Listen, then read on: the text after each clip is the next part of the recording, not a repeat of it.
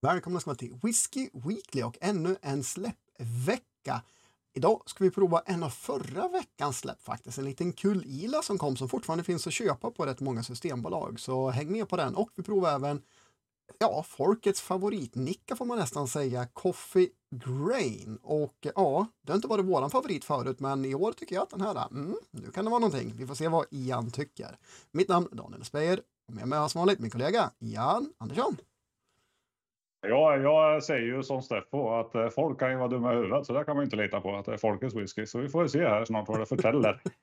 ja, nej, jag tror kanske att den här From the Barrel är väl den som säljer bäst, men den här brukar de köpa in ja, någonstans runt 10 000 flaskor av. I år är det 9 000 flaskor som kommer. Så vi får se när vi provar den då vad, vad vi tycker. Men den brukar sälja slut. Så att eh, må många ja. gillar den uppenbarligen där ute. Det är alltid kul med statistik, men å andra sidan så är det ju typ Famous Grouse och Black Velvet och så vidare som säljer mest av. Så att, eh, jag tänker hålla mig ganska neutral i frågan tills jag provar den här.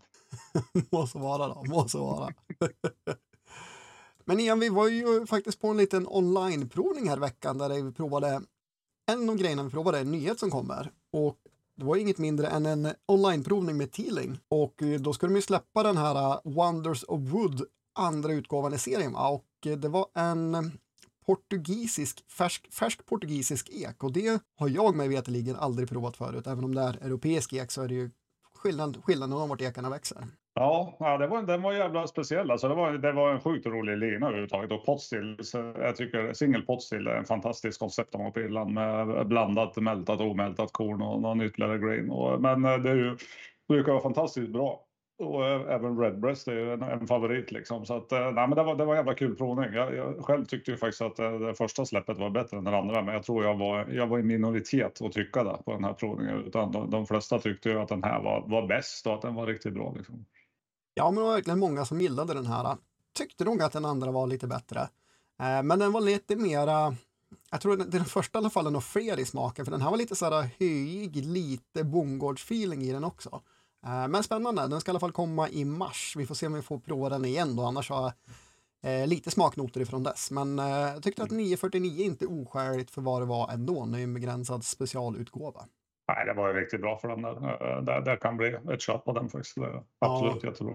Ja, ja, men verkligen. Men vi sitter ju också på fredagkväll och spelar in. Vi har ju helt gått ifrån vårt söndagskvällskoncept den här veckan. Ja, för en gång skulle du känna att det är ditt fel. det är helt och hållet mitt fel. Det är inte alltid det, men den här gången är det ditt fel jag. Ja, det är ju det. Jag, jag ska nämligen åka till Skottland redan imorgon för att eh, jag och fem andra lyckliga själar från Sverige ska få gå Springbank Whiskey School på en liten specialvecka faktiskt som de öppnar upp bara för oss. Eh, det är nu har de inte stängt ansökan helt och hållet, men innan de stängde den så var det sju års väntetid på att få gå Springbank Whiskey School. Eh, men Symposium har ordnat en specialvecka. Det är dock ingen sponsrad vecka, vi får betala den helt själv och platserna var lottade. Eh, så jag är inte köpt, men jag är väldigt glad att jag får åka. kan vi säga. Ja, men äh, jättekul Daniel.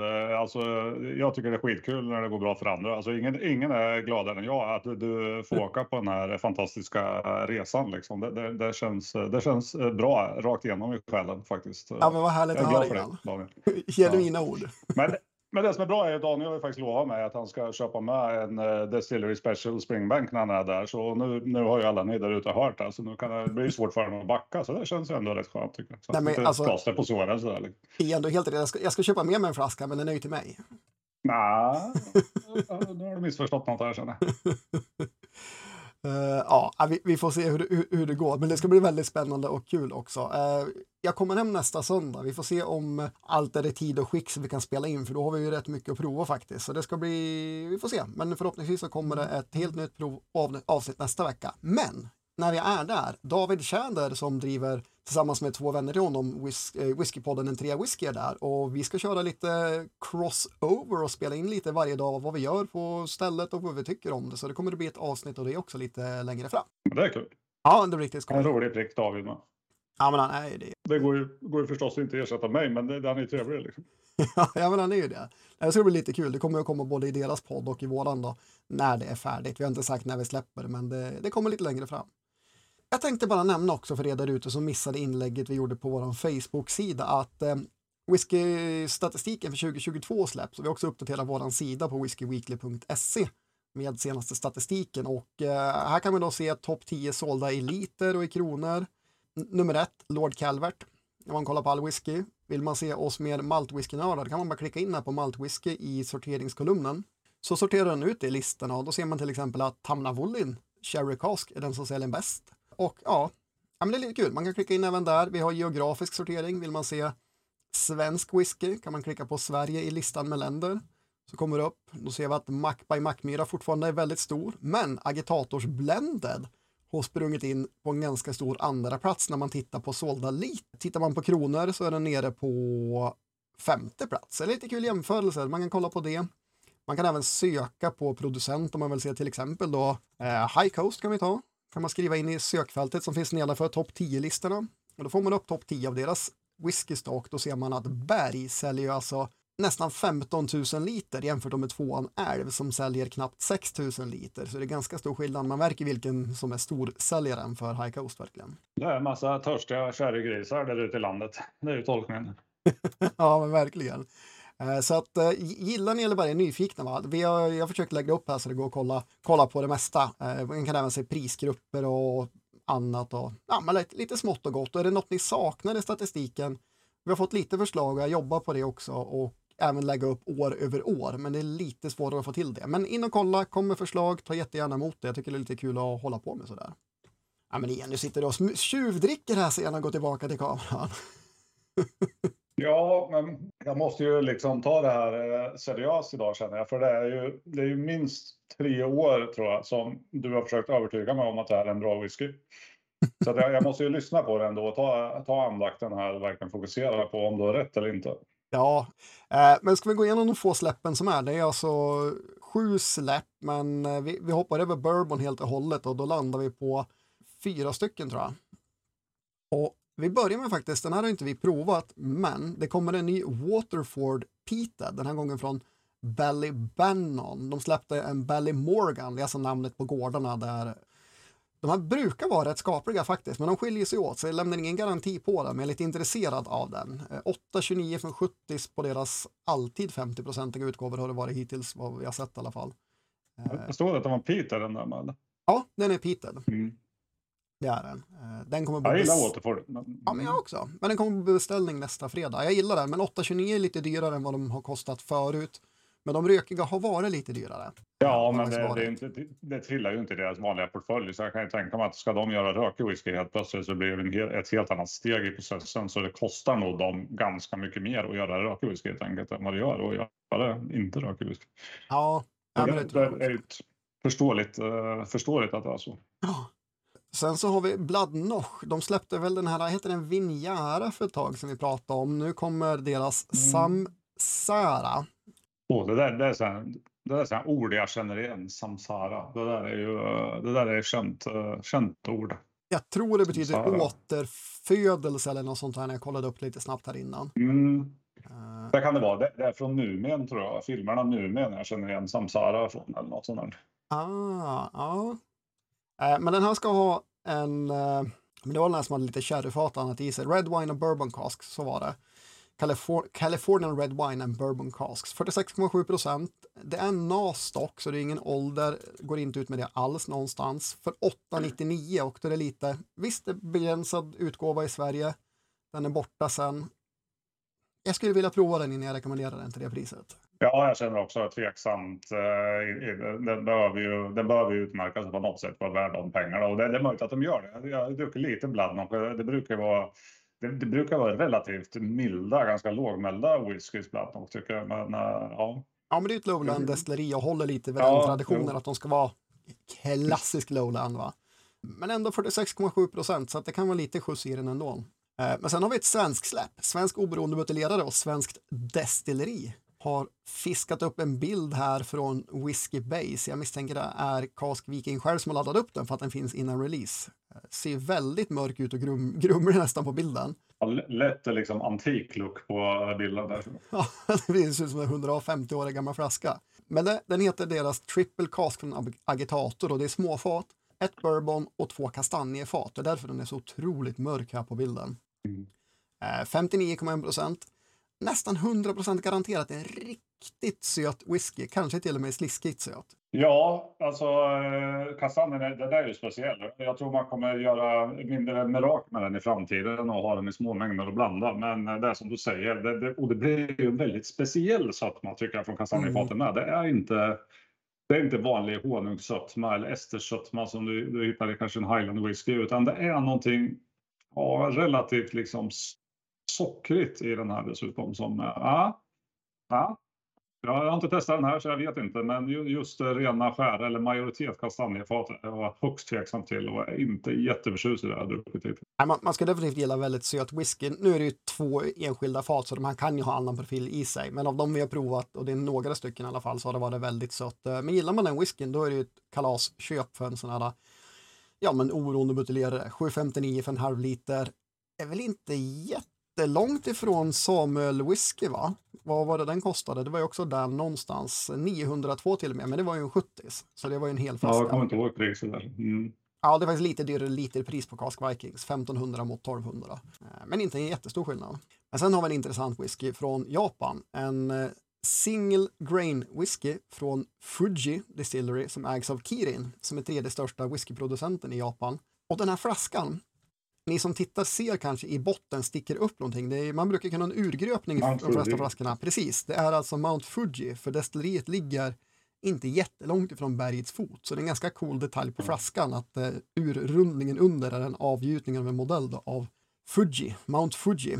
Så tycker jag lite... Man har ju sett, uh, sett ganska många berg i sitt liv, men just Fuji den går inte att ta miste på riktigt. Den är ju ganska unik och jag har ju faktiskt haft äran att vara där och sett den med egna ögon med klarblå himmel. Ja, jag har också sett den också, men bara från eh, Shinkansen-tåget. Vi stannade aldrig mm. till.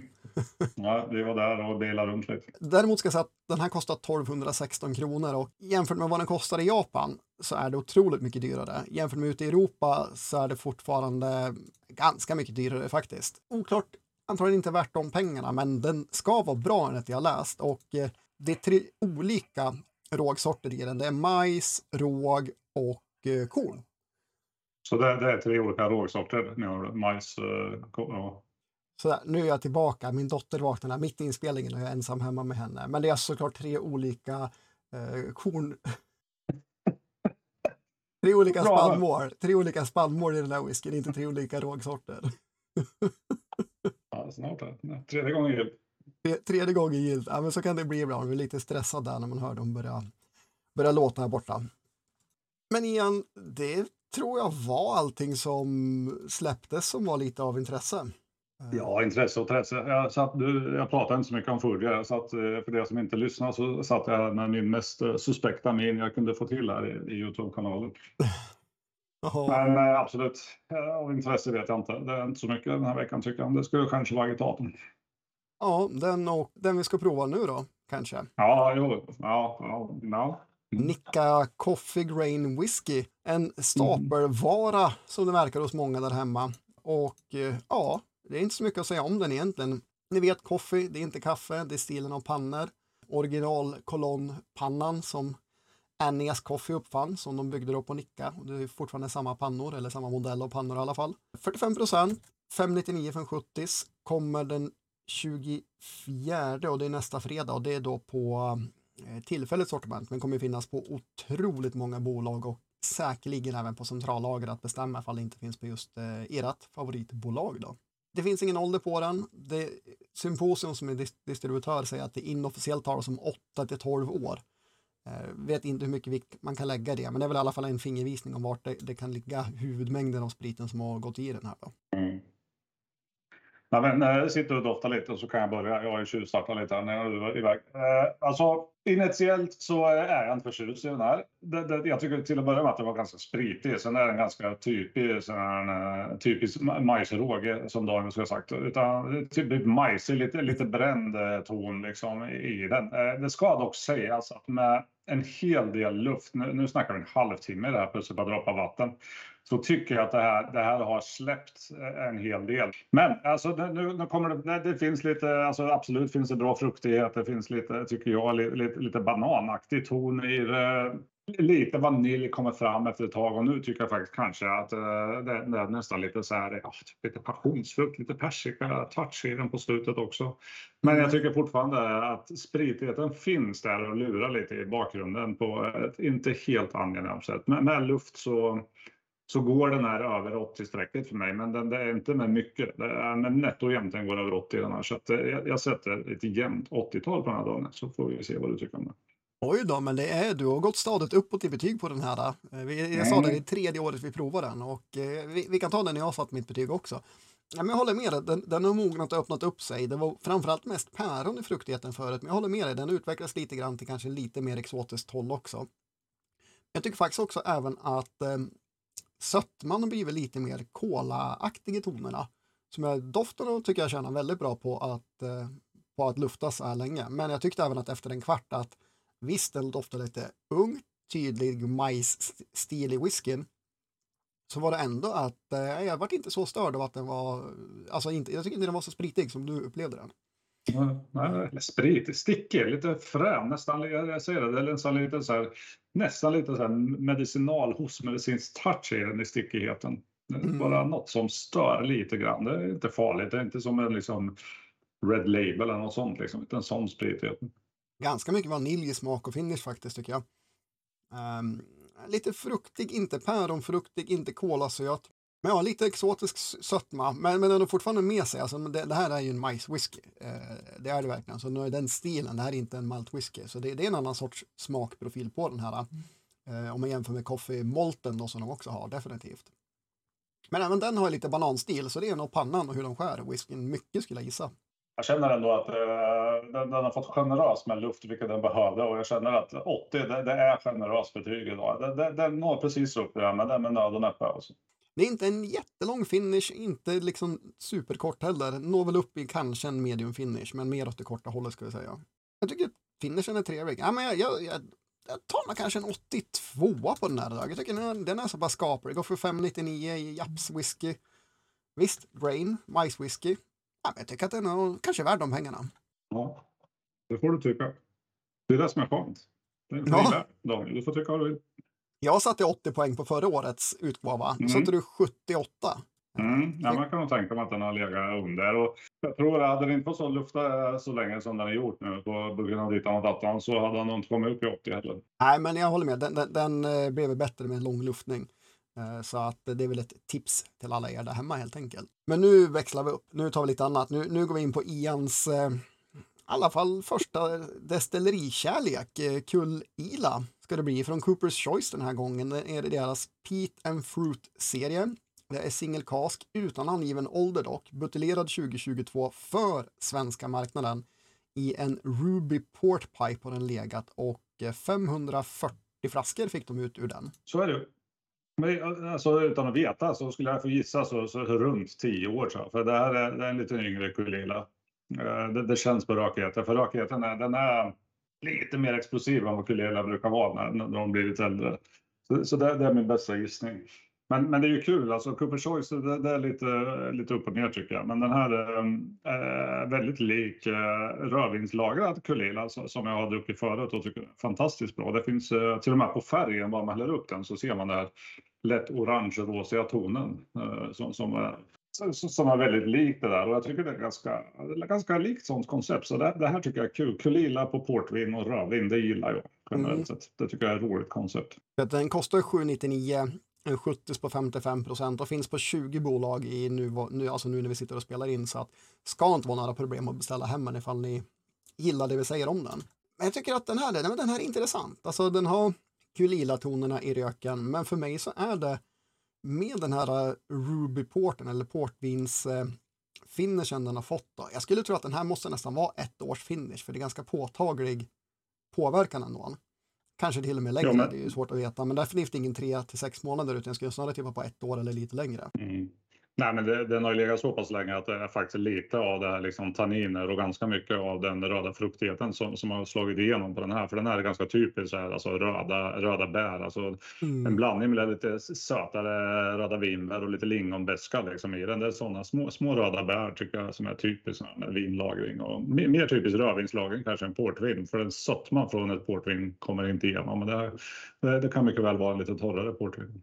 Mm. Och sagt, Ruby Port, det är, det är ett portvin från en speciell region i Portugal och eh, jag har inte druckit mycket olika portvin i mina dagar, men jag skulle, jag skulle gissa på det också. Eller så har bara whiskyn vägrat att ta upp sötman ifall den har funnits där. Mm. Men definitivt mer rödvin än man tänker sig söt sherry, för port och sherry är ju besläktade typer av, av viner ändå. Så. Det är mer eller mindre vart de kommer ifrån tänkte jag säga. Mm. Men eh, alltså, det, det är en ganska härlig blandning. Det finns ju pyttelite sötma i den, men det är ju långt ifrån en söt whisky. Det är ganska, ganska torr tannin i whisky. Eh, du får igenom pyttelite smörighet tycker jag nu när den får stått och lufta ett tag och fått lite vatten i sig. För den, den här behöver vatten. Den är 55% stark och ung, så den behöver vatten för att komma ner. Det var klar, klar kvalitetsskillnad får ju inte vatten. Mm. Men, men, men jag, jag, gillar den här. Alltså jag tycker den har, den har attityd, den har mer, eh, mer rökig attityd än eh, en core range Kulila till att börja med. Det är, det är lite mer kaxighet i den, men den, den behåller den här röda tråden lite kallare, lite stenig, lite, lite ja, nästan lite syrlig rökighet i den. Det finns lite citrus, lite, lite lite smörighet och sen de här röda frukterna. Och jag tycker att det här är, det är en väldigt trevlig upplevelse. Mm. Jag har också en annan, en annan sak som särskiljer den här från vanlig Kulila-rök och eh, någonstans i mötet med rödvinet och syrligheten så uppstår det för mig en så lite köttig eh, barbecue-stil, fast inte söt barbecue, men liksom en liten köttig, tänk dig fläsk eh, känsla lite grann i näsan. Nej, men jag tycker den är riktigt spännande. Ian skakar på huvudet, men han har ju, han har ju fel. Han har tappat, tappat näsan. Jag tänkte säga, fick du en snyting av dottern där inne, eller vad hände nu? ja, men den är omiss, omisskännlig Kulila, men med en, med en twist på näsan verkligen.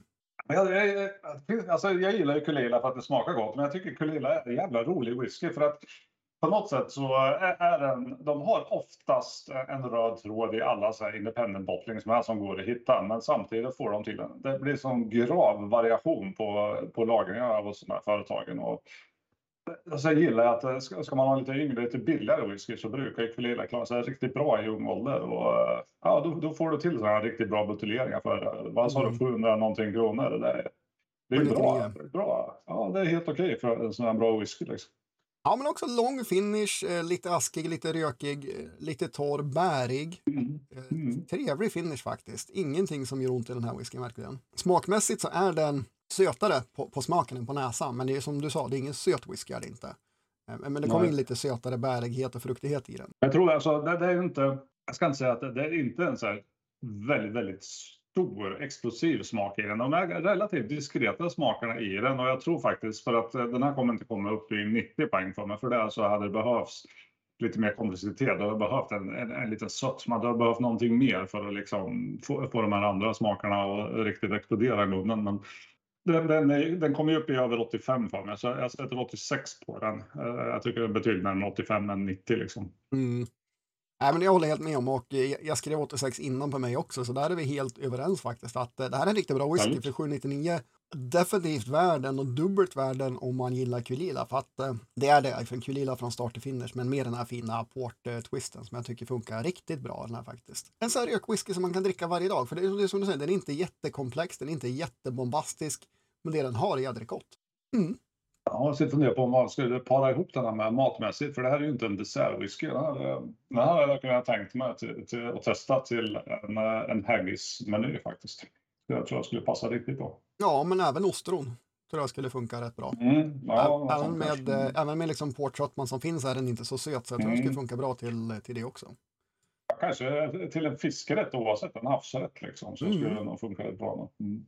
Ja, det är något vi kanske ska experimentera. Vi kanske ska försöka göra någon meny och se om vi kan bli pairing-experter här. Jag har ju varit på specialprovning och hon Martine Noé som bor på Ayla och är fransk kock i grunden och har gjort väldigt mycket bra food pairing. Så mm, något slappar man väl upp kanske.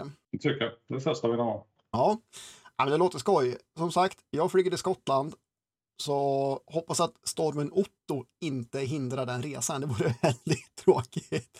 Uh, men bara för att reta dig igen så plockar jag upp min Nicka här och mm. skålar ut. Eh, så med det sagt, skål på där ute och ha en trevlig whiskyvecka. Skål och glöm inte min springbank nu.